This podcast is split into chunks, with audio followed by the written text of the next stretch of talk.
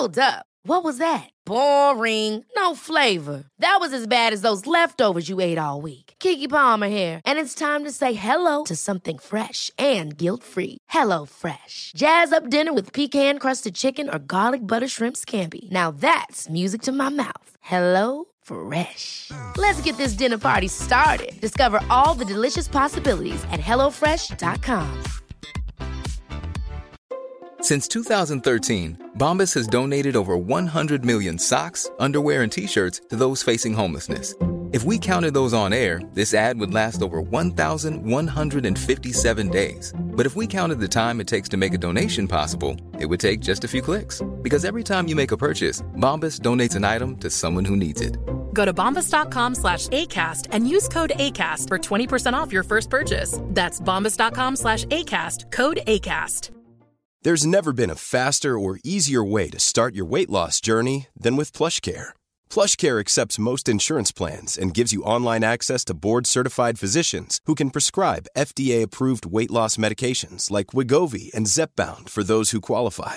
Take charge of your health and speak with a board-certified physician about a weight loss plan that's right for you. Get started today at plushcare.com slash weight loss. That's plushcare.com slash weight loss. plushcare.com slash weight loss. Why is it with your hair? I don't know what it is with women's hair. One day it goes okay and then the next day it doesn't. You're using the same stuff. It's the same fucking hair. what happens? Does the hair fairy come along in the middle of the night and go like, I won't fucking go today? You can't go down the hairdresser, sit in the hairdresser's and he goes, oh, sorry, won't go.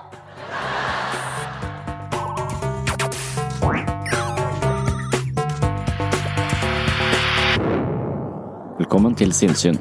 Jeg heter Sondre Risom Livre, er psykolog, og dette er Webpsykologens podkast. Hverdagspsykologi for fagfolk og folk flest.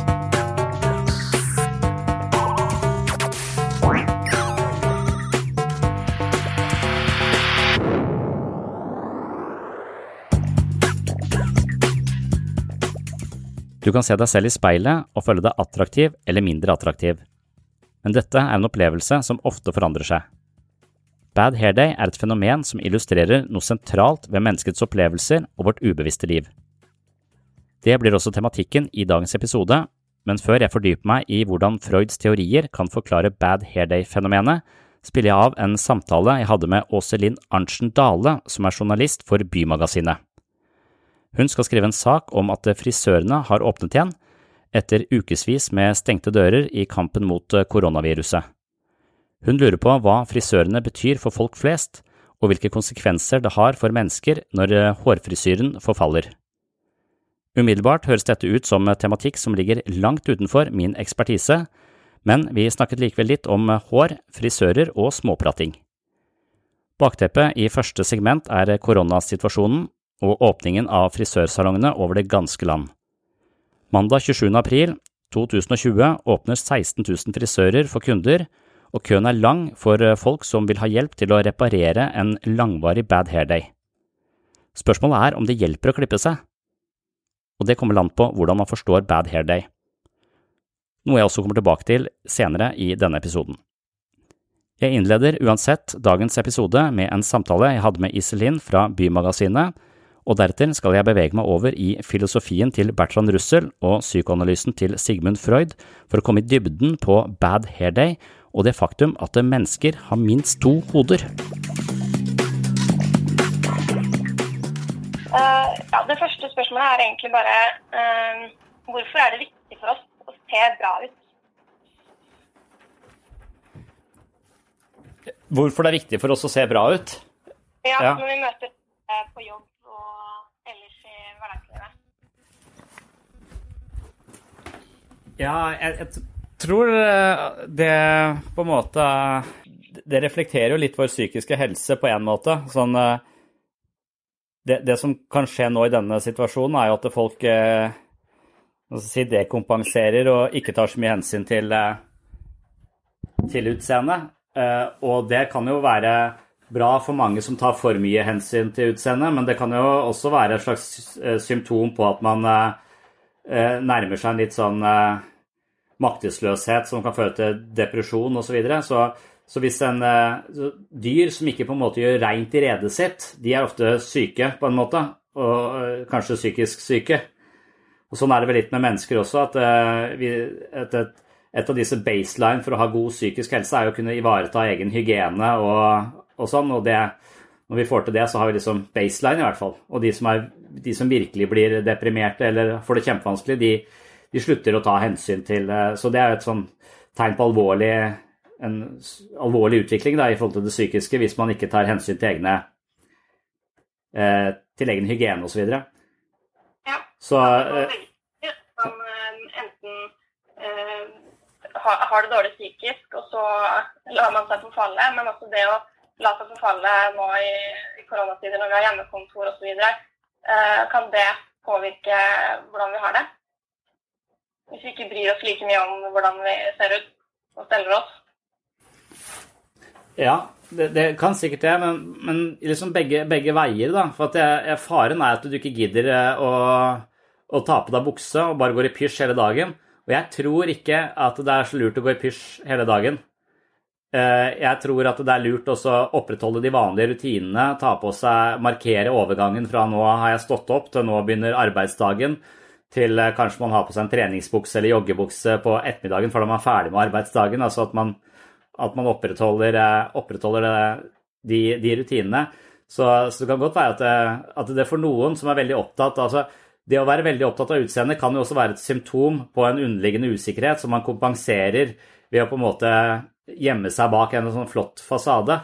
Så, så hvis man da kan dempe det litt, så, så kan jo det kanskje være en, en god ting. Men det, er, men det at vi, de som er overdrevent opptatt av utseendet, de legger jo veldig mye av sin egen verdi i hvordan de ser ut. De er ofte veldig opptatt av hvordan andre ser de. Eh, og det er, det er et fokus som, eh, som, er det motsatte av å ha en slags indre trygghet og tro på seg selv. Da. Eh.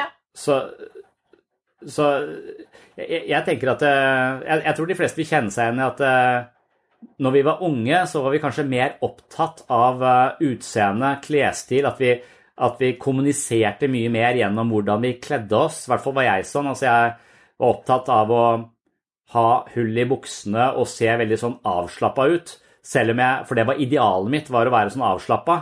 Så jeg prøvde å signalisere at jeg var det, men så var jeg ikke avslappa i det hele tatt. Jeg var dritopptatt av å gjøre det bra nok på skolen og ikke få ikke sant? Så, så, så, så det var som om jeg prøvde å leve opp til et ideal i klesveien som jeg ikke helt kunne stå inne for, at klær betydde mer. Klær hadde en større betydning. Men etter hvert som man blir tryggere på seg selv, så vil, eh, vil kanskje ikke innpakningen bety så mye, så mye lenger. Så, så, så det, det, er alltid en balanse. Du, du, eh, du, kan være for opptatt av det, og da er det ofte en symptom. Og du kan være lite opptatt av utseendet, og da er det et symptom. Så det å være sånn passe opptatt av utseendet er nok en, en, grei ting. Og hvis du tenker på sånn ironi, selvironi og, og sånn i, i, denne tida hvor folk ikke kommer til, til frisøren, så kan jo det kanskje være en, en litt fin ting. Altså Selvironi er kjempeviktig. Det å kunne ha et litt sånn lekent og avslappa forhold til, til ting, og kunne møte kunne møte denne situasjonen med en viss grad av humor, tror jeg er, er, ganske viktig. Så jeg har fått noen kritikk når jeg har, har skrevet eller snakket om koronasituasjonen, at jeg ofte klipper inn sånne standup-komikere som driver og harselerer med viruset. Og, og, det er flere som har sagt at nå, ja, nå gidder jeg ikke å følge deg mer, for jeg vil ikke følge noen som uh, harselerer med et så farlig virus. Men jeg er ganske sikker på at, uh, at det beste vi kan gjøre i møte med enhver en krise er å ha en, en viss humoristisk buffer mot virkeligheten. Og jeg tror ikke det er en unnvikelse av virkeligheten, jeg tror det er en måte vi kan håndtere virkeligheten på.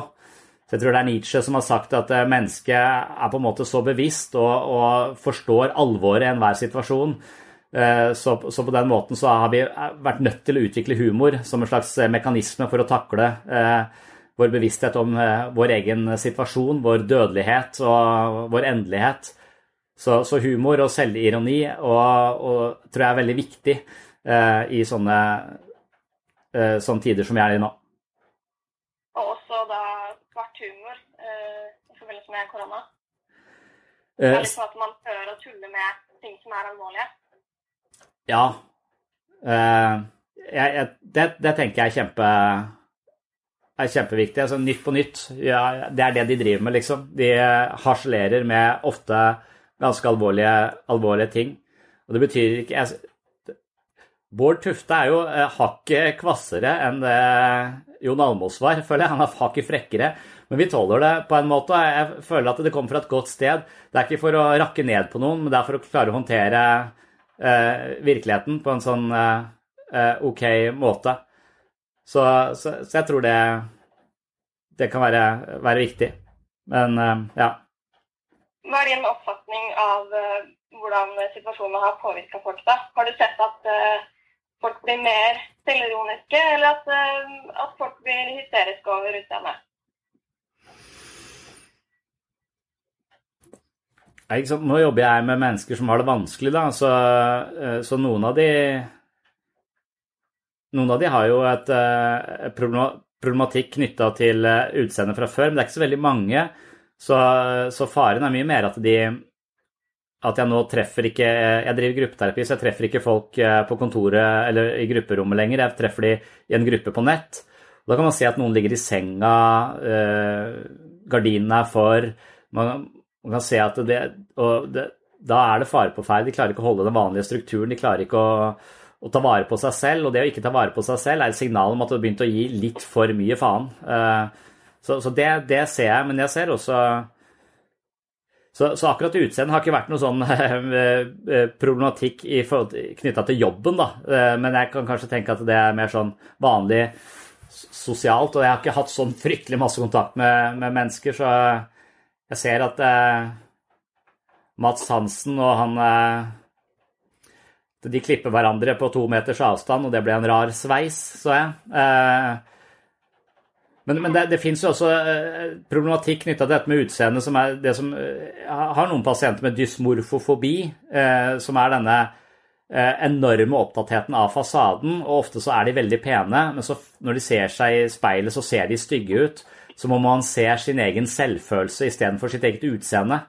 Og, og, i et forsøk på å føle seg bedre eller ikke føle seg så mislykka og, og, elendig, så prøver man å pynte på, på utseendet og på sett og vis så bommer man litt, da, for man vil alltid Uansett hvor mye man pynter på utseendet, så vil man ikke klare å endre noe på den følelsen på innsiden.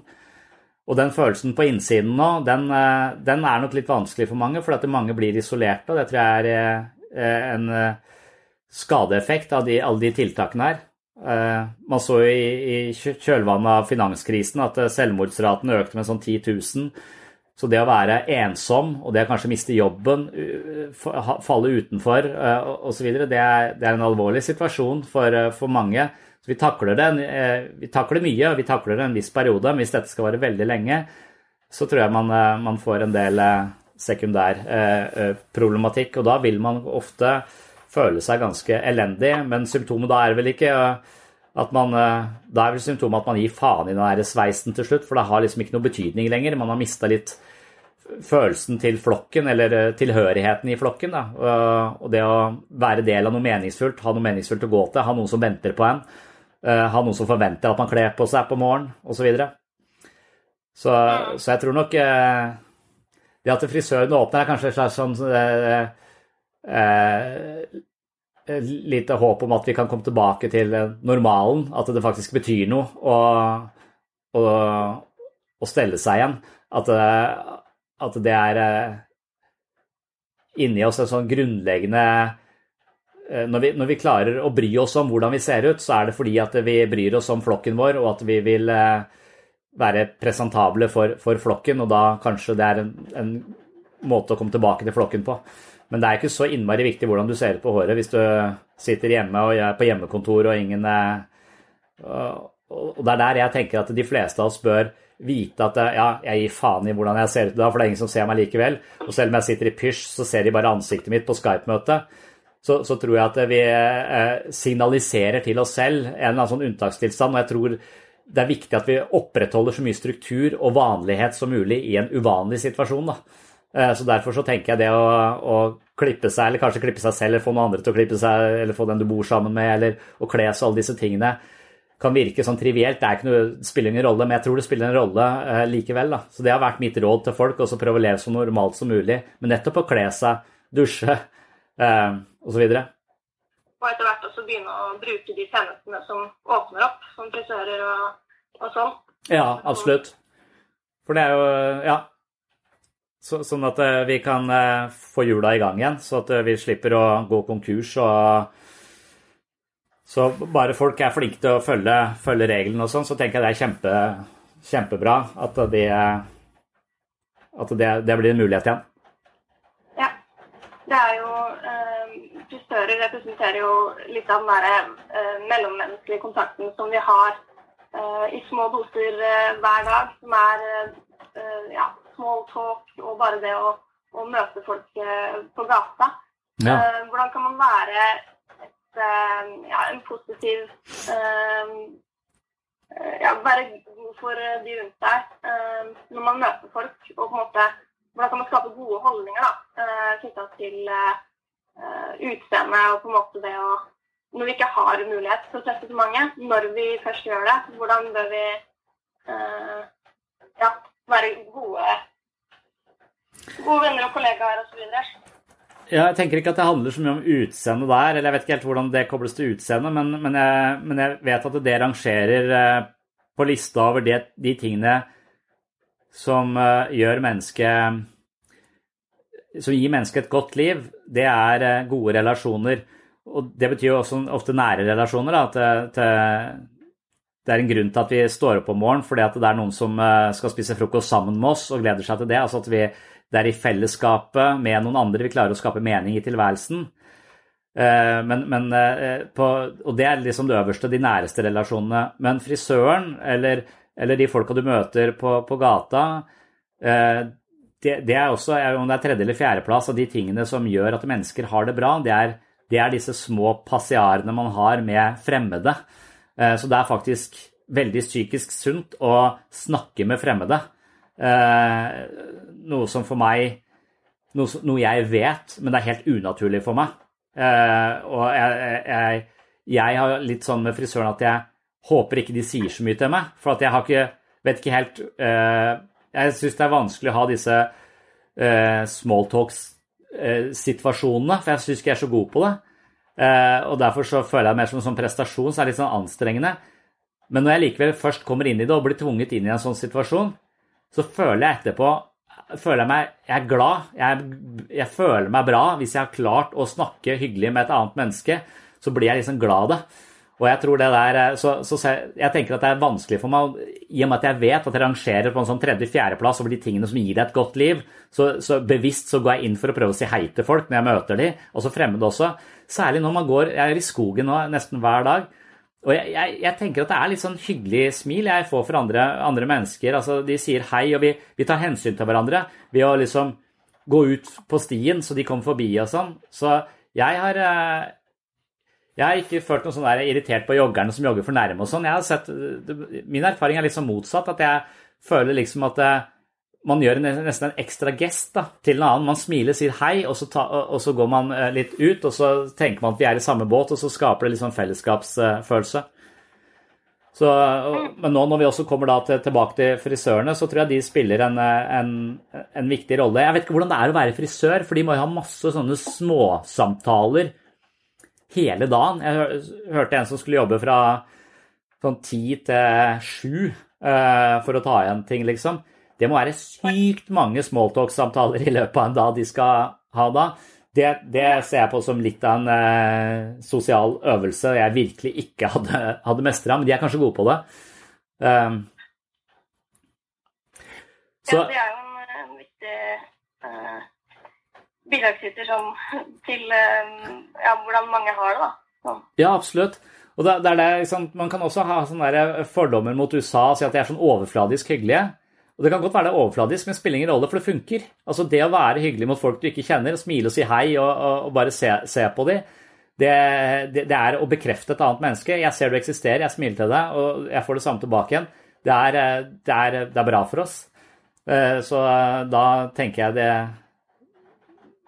det er en, en god ting. Så fint at vi kan eh, komme på de små arenaene hvor vi hvor vi møtes og slår av en prat med noen som ikke er bare kjernefamilien.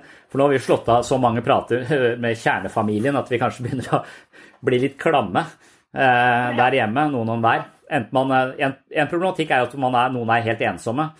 Andre er jo eh, veldig lite ensomme, men veldig tett på de folka som man eh, normalt sett er tett på, men ikke så tett på. Eh, så da kan det være godt å få lufta litt. Vi trenger, vi trenger å være, ha en sånn innerste kjerne av fortrolige mennesker, men vi trenger også en sånn sosial ring av mennesker der ute som vi føler oss en del av den større flokken. Og Det er der vi nå åpner litt, så vi kan få det behovet dekt igjen. Og det er ganske viktig, viktig for oss. Ja. Ja, men Det er bra. Uh, har du noe du vil tilføye med temaet? Eller tror du har sagt det du, det du kommer på? Jeg, jeg, tror det er det jeg kommer på. så Akkurat hvordan du skal relatere det til eh, hårsveisen, er jeg usikker på. Men jeg husker jeg skrev en artikkel som het 'Bad Hair Day'. Ja. fordi at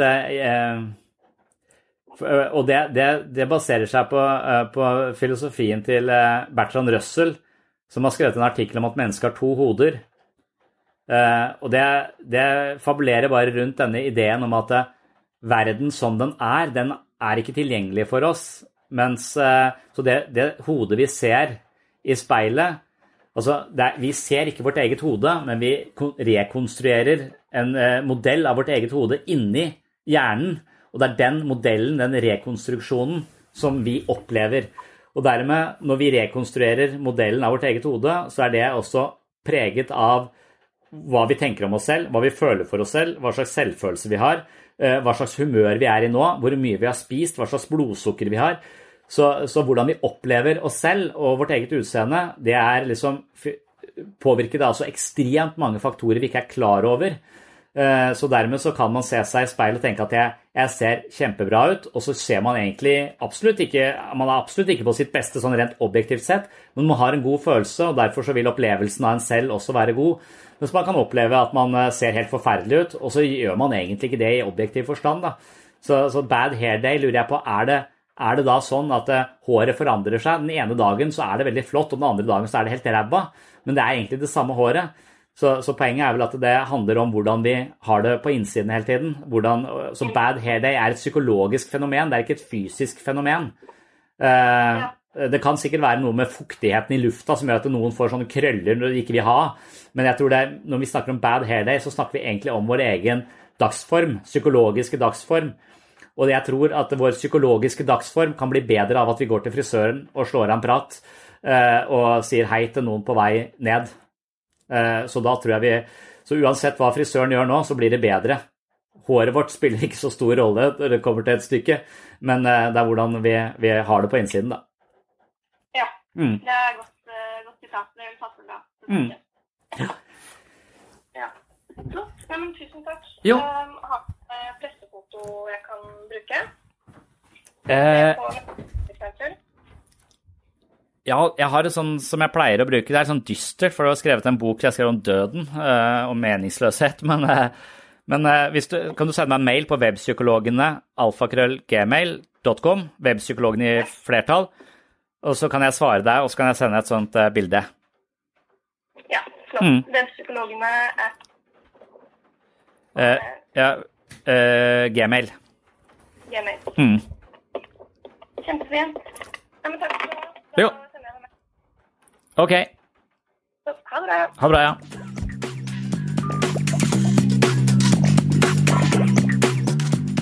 Håret til en mann sier alt om hans personlighet. Varg, syns du begynner å bli tynn i hyssingen. Gratulerer med Midgards grinneste manke. Det var ikke meningen å narre av håret ditt, Varg. Jeg vet at håravfall kan være psykisk belastning. Jeg håper du kan tilgi meg. Du er absolutt tilgitt allerede. Jeg gikk veldig fort. Det er ikke noe problem med det. Jeg er ikke typen som eh, bærer gnag.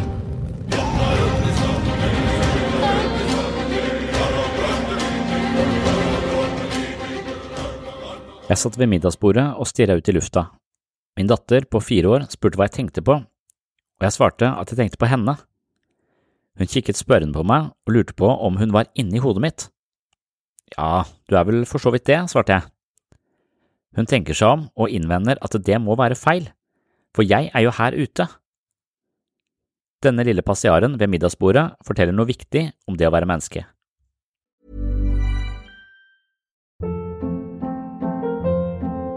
Hold up. What was that? Boring. No flavor. That was as bad as those leftovers you ate all week. Kiki Palmer here, and it's time to say hello to something fresh and guilt-free. Hello Fresh. Jazz up dinner with pecan-crusted chicken or garlic butter shrimp scampi. Now that's music to my mouth. Hello Fresh. Let's get this dinner party started. Discover all the delicious possibilities at hellofresh.com. Life is full of awesome what ifs, and some not so much, like unexpected medical costs. That's why United Healthcare provides Health Protector Guard fixed indemnity insurance plans to supplement your primary plan and help manage out of pocket costs. Learn more at uh1.com. Quality sleep is essential. That's why the Sleep Number Smart Bed is designed for your ever evolving sleep needs. Need a bed that's firmer or softer on either side? Helps you sleep at a comfortable temperature? Sleep Number Smart Beds let you individualize your comfort so you sleep better together. JD Power ranks Sleep Number number 1 in customer satisfaction with mattresses purchased in-store. And now, save 50% on the Sleep Number limited edition Smart Bed for a limited time. For JD Power 2023 award information, visit jdpower.com/awards. Only at a Sleep Number store or sleepnumber.com. Fireåringens underfundige spørsmål minnet meg om boken Our Knowledge of the External World, hvor Bertrand Russell reflekterer over forholdet mellom virkeligheten og våre mentale modeller av virkeligheten. I forlengelse av Russell kan man argumentere for at mennesket har to hoder. Vi har et fysisk hode som holder til i virkeligheten, og en modell av dette hodet som holder til i bevisstheten. Når vi står foran speilet for å pynte på hodet og gi det en sosialt akseptabel fasade, hender det at vi opplever modellen som flott og tiltrekkende, mens andre ganger opplever vi modellen som lite attraktiv og frastøtende. Fenomenet kalles av og til for bad hair day, men det betyr ikke nødvendigvis at hodet i den virkelige verden har endret utseende, eller at håret tilfeldigvis er lite samarbeidsvillig, men at modellen i vårt eget hode forkludres av følelser og psykologiske stemninger. Men hva er forholdet mellom vår egen modell av virkeligheten og den egentlige virkeligheten? Hva er forholdet mellom min faktiske frisyre og min oppfatning av mitt eget speilbilde en mandag morgen? Etter å ha lest noen bøker under sjangeren filosofi kan det virke som om dette er blant de mest intrikate spørsmålene som har hjemsøkt det grublende mennesket gjennom uminnelige tider. Selv er jeg et forholdsvis grublende menneske, og kanskje begynte jeg å interessere meg for psykologi og filosofi fordi jeg er født med ganske tynt og pistrete hår. Som en grublende ung mann med bad hair day møtte jeg opp på universitetet i Aalborg en septemberdag i 2000. Jeg husker at jeg var veldig usikker og veldig nysgjerrig på samme tid. Universitetet begynte med å servere meg frokost og gammeldansk. Jeg var ikke forberedt på å bli servert sprit til frokost på første skoledag, men jeg var takknemlig fordi alkohol ofte gjør håret litt finere. Jeg var 21 år og opptatt av utseendet, når alt kom til alt, var jeg nok mer opptatt av spørsmålet som angikk mitt indre liv. Kanskje håpet jeg at håret skulle få litt mindre betydning dersom jeg fikk svar på noen av de dypere spørsmålene. Etter endt studie hadde jeg flere spørsmål enn svar, men i dag er jeg ikke så opptatt av håret mitt lenger, så jeg antar at årene i Aalborg hadde en positiv effekt på meg. Sigmund Freud er en sentral skikkelse innenfor psykologi. Han er den psykologen som mer enn noen annen har hatt innflytelse på vår allmenne oppfattelse av menneskets psykiske liv. Mange av Freuds psykologiske begreper har sneket seg inn i dagligtalen, men selv om han har hatt enorm innflytelse, tok det lang tid før verden var klar for hans teorier.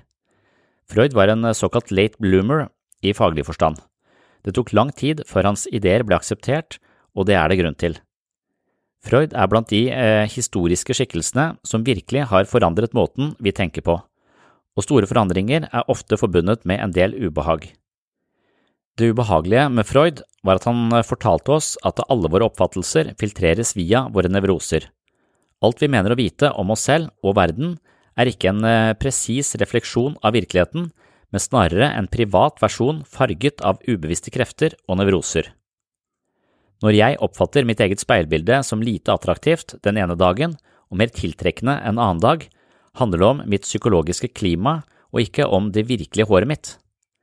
Det betyr at jeg egentlig ikke kan stole på mine egne opplevelser, og det var dette poenget som var vanskelig å akseptere på Freuds tid. Folk tenkte at de var rasjonelle og oppegående fornuftsvesener, mens Freud påsto at mye av den såkalte fornuften var en illusjon. Mennesket var langt mer irrasjonelt og styrt av ubevisste krefter, noe som på sett og vis degraderte mennesket på en litt skremmende måte. Vi skaper våre egne opplevelser, og disse opplevelsene er farget av tidligere erfaringer, følelser, ubevisste krefter og irrasjonelle tilbøyeligheter. For å utvikle oss, gjenvinne et mer realistisk forhold til oss selv og virkeligheten, må vi undersøke vårt indre liv. Vi må se på hvilke faktorer som styrer våre tanker, følelser og handlinger. Det er mye av poenget i psykoterapi, og det er en arv vi har med oss fra Sigmund Freud. Jeg har snakket om denne tematikken på podkasten mange ganger tidligere, og jeg har snakket om det ved Universitetet i Agder, og jeg skal snart spille av et lite klipp fra et slikt foredrag. Det er altså snakk om hvordan Sigmund Freud vil forstå en bad hair day. Jeg snakker også om Donald Trump, men ikke i forbindelse med Bad Hair Day, selv om det også kunne vært eh, ganske aktuelt. Donald Trump hevdet at det var mellom én million og halvannen million mennesker på plassen da han ble innsatt som ny president i USA. Det var tydeligvis viktig for ham at denne seremonien var bedre besøkt enn forrige innsettelse av Barack Obama.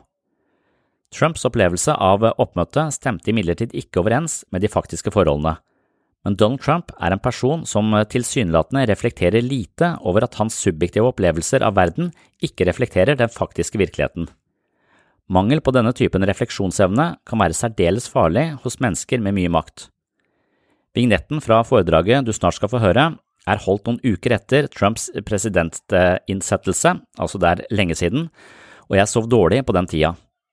Løgn, ekstrem narsissisme, infantile utspill, hersketeknikker, fremmedfiendtlighet, rasisme, giftig patriotisme, megaloman egoisme, nedlatende kvinnesyn og umoden oppførsel har siden blitt dagligdags kost fra Det hvite hus, og det er ingenting som kan sjokkere fra Trump lenger. Uansett handler videoen om hvordan vi tolker oss selv og verden, og hvordan vi forholder oss til egne fortolkninger kan være ganske avgjørende for hvordan vi lever livet, og ikke minst hvordan vi har det i livet. Welcome back. Tonight, I'm obsessed with nobody and what it means to somebody. Nobody's in the history of this country has ever known so much about infrastructure as Donald Trump. Nobody builds walls better than me. Nobody wants to take care of DACA more than myself. Nobody knows more about trade than me. Nobody loves the Bible more than I do. Nobody is stronger. Nobody cherishes and nobody respects women more than Donald Trump. Nobody been tougher on Russia. Nobody that understands the horror of nuclear better than me. Love the First Amendment. Nobody know, loves it better than me. And there's nobody that loves the Second Amendment more than I do. Nobody can do it like I do it. Nobody. Så det, det som uh, var uh, det som gjorde at Freud hadde liksom trang fødsel, kan man si, det er at denne ideen han har om at ubevisste psykologiske prosesser er sentrale for å forstå individet. Og all atferd er motivert, har en hensikt og er målretta. Og det kalles psykisk determinisme. Så Freud mente at vi var psykisk determinerte, eller overdeterminerte, eh, faktisk. At alt vi gjør, alt vi sier, har en årsak. Det er, eh, det er på en måte litt forutsigbart. Det er en, eh, det er en årsak til alt vi, vi foretar oss. Det er jo litt sånn vi tenker når jeg sa at djevelen er i detaljene. Så Freud har skrevet masse, masse bøker. En av de hverdagslivets psykopatologi husker jeg, husker jeg godt, hvor han har en sånn lang utgreining om hva det er med de menneskene vi ikke husker navnet på, f.eks. Uh, eh, vi husker navnet på alle de, men så er det, hva heter du igjen? Så er det én person som vi alltid uh, på en måte glemmer. Og så sier man jeg har så dårlig hukommelse. Da blir det en sånn fysisk ting. Det er øverste høyre kvadrat. Kan ikke noe for Hjernen er ødelagt. Klarer ikke å huske navn. Eller den psykologiske varianten som sier at de menneskene du ikke husker navnet på, de har du et eller annet horn i sida til, eller litt uavklart forhold til. Eh, så der ligger det et eller annet du bør være eh, interessert i. Og det er sånn Freud tenkte, at alt ingenting er tilfeldig. Alt har en eller annen dypere eh, betydning. Og det er vi litt inspirert av, vil jeg si, i, gruppe, i gruppeterapi. Når folk har gått i en gruppe på åtte mennesker i kanskje fire-fem uker, og de ikke husker navnet på de andre, så er ikke det bare fordi de har dårlig hukommelse. Det kan være fordi de har dårlig hukommelse, det, eh, men det kan vi aldri vite. Men det kan også være veldig mange andre årsaker. Min erfaring er at de menneskene som ikke husker navn på andre, har problemer med å binde seg til folk. De ønsker ikke å være en del av gruppe, de er redde for gruppe, de er redd for å forsvinne i en gruppe, og de er redde for å forplikte seg. Eh, derfor, og de, for, de holder avstand, de holder hele tiden en sånn menneske på armlengdes. Og måten å gjøre det på er å ikke huske navnet deres. Da blir det ikke personlig. Det kan også være søtt, men det er litt sånn man tenker i, eh, i denne eh, freudianske tradisjonen. altså at Alt som skjer Freudens slips, det er en del av vår eh, hverdagstale eh, nærmest, og vi vet hva det dreier seg om. Det er plutselig noe vi sier eh, som vi ikke er klar over at vi mente, og som viser åpenbart en eller annen motstand vi har, eller en eller annen fordom vi har, eller et eller annet som vi har prøvd å, å undertrykke. Så all atferd altså, uh, har en hensikt, er målretta, er psykisk determinert. Det er en årsak til det. Ja, alle mennesker er fulle av øh, konflikter og nevroser. Uh, og det er altså dette som, uh, som, som gjorde Freud så upopulær. for at det, når du kommer inn med en teori som sier at alt det du tror du vet om verden og deg selv, er korrupt, eh, eh, så, så blir du ikke veldig populær.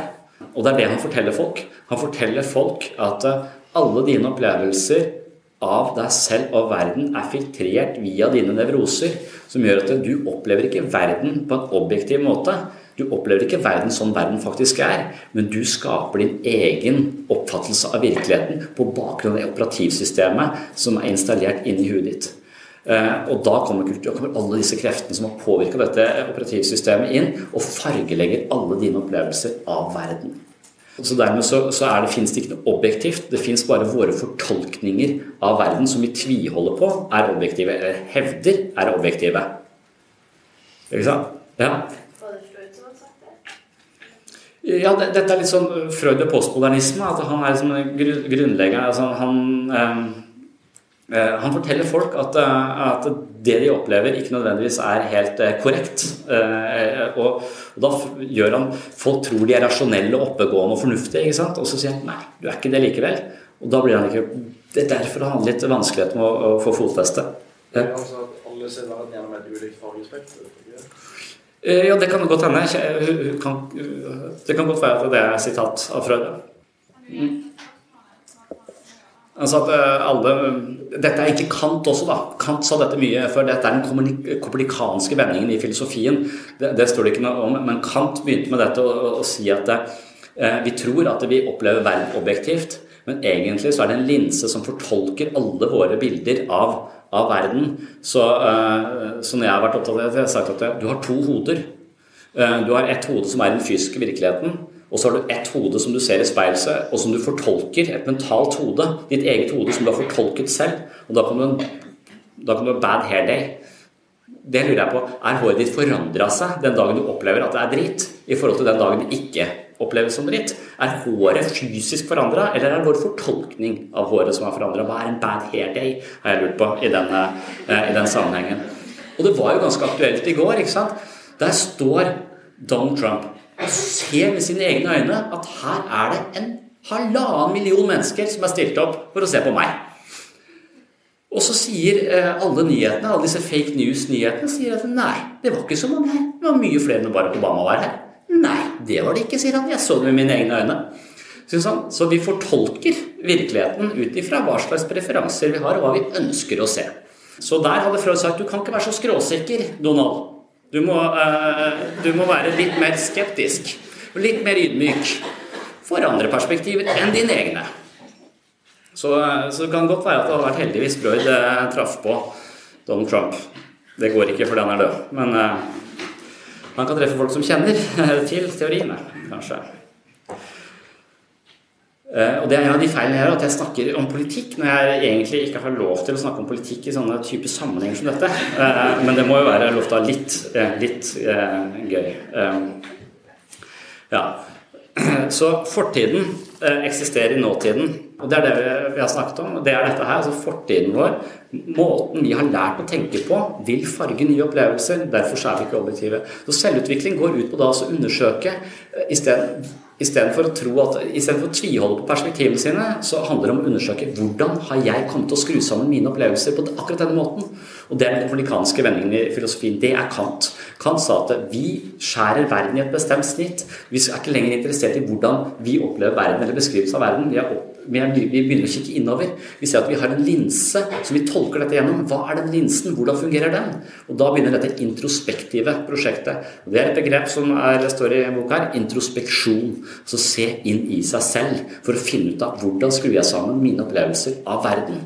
Og det er litt sånn som er i psykologi. altså Du må ikke stole på dine egne tanker og følelser. For de er korrupte, eller i hvert fall et ekko av eh, din alle de kreftene som har virket på deg. altså All utviklingspsykologisk teori har vært med på å, å, å, forme deg på en eller annen måte. eller Den forståelsen vi kan hente herfra, kan vi se mer hvordan vi har blitt skrudd sammen som den vi er, eh, vi er i dag. Så fortiden vår eksisterer alltid i nåtiden vår. Og det vil de fleste av disse teoriene vi skal gjennom si.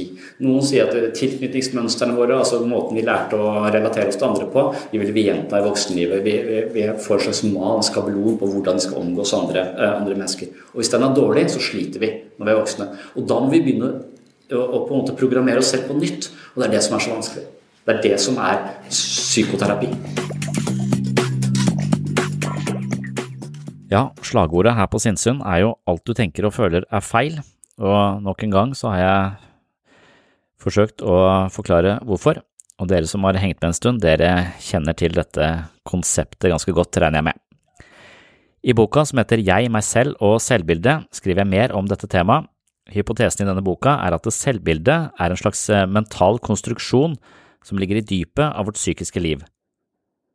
Denne konstruksjonen påvirker oss hele tida og forholdet mellom et godt og et dårlig selvbilde kan bety forskjellen mellom et godt og et vanskelig liv. Det kan også bety forskjellen mellom suksess og fiasko på en rekke områder i livet. Videre handler denne boka om hvordan vi kan styrke vårt selvbilde, og i denne forbindelse finnes det en rekke øvelser man kan benytte seg av. Er du mer interessert i menneskets indre liv og selvutvikling, håper jeg selvfølgelig at du klikker deg inn på webpsykologen.no og sørger for at du får boka i posten i løpet av få dager. Eventuelt kan du klikke deg inn på min Patrion-konto og bli supporter av Sinnsyn. På denne måten støtter du dette prosjektet, og som takk for støtten får du en del ekstramateriale. Du får flere eksklusive episoder av Sinnsyn, videomateriell som ikke publiseres andre steder, og du kan høre meg lese og gjennomgå min første bok, Selvfølelsens psykologi, Bedre selvfølelse ved å bruke hodet litt annerledes. Ved hjelp av en rekke psykologiske teorier forsøker jeg å lage et slags treningsprogram hvor man gjør øvelser som styrker selvbildet, selvfølelsen og mentale muskler, og forhåpentligvis vil en sterkere syke gi færre bad hair days. Er du blant de som finner verdi her på sinnssyn, og litt over middels interessert i psykologi og filosofi, så håper jeg medlemskap i Sinnsyns mentale helsestudio kan være noe for deg. Jeg håper å se deg som Patron-supporter, du finner medlemskapet på www.patrion.com sinnssyn. En annen måte å støtte podkasten på er å kjøpe merchandise fra sinnssyn, og dette er helt nytt. Er du en person som liker å tenke litt dypere og ser på denne typen refleksjon og ettertanke som mental trening, så mener jeg at man bør ha treningstøyet i orden. På et nettsted som heter Teespring har jeg min egen eh, butikk hvor du kan få kjøpt Sinnsyns kolleksjon av mentalt treningstøy. Kolleksjonen heter selvfølgelig Alt du tenker og føler er feil, og hvis du skjønner hva det slagordet forsøker å formidle, må du nesten ha en eh, skjorte som reflekterer denne innsikten. Sjekk ut mine T-skjorter og hoodies på Teespring der altså. Linken finner du i shownotes eller på webpsykologen.no. Takk for følget, og takk for all støtte. Takk for alle tilbakemeldinger på iTunes osv., og, så og på gjenhør i neste episode. I ejaculated! What part of non-erotic cock massage don't you understand? I'm sorry, sorry.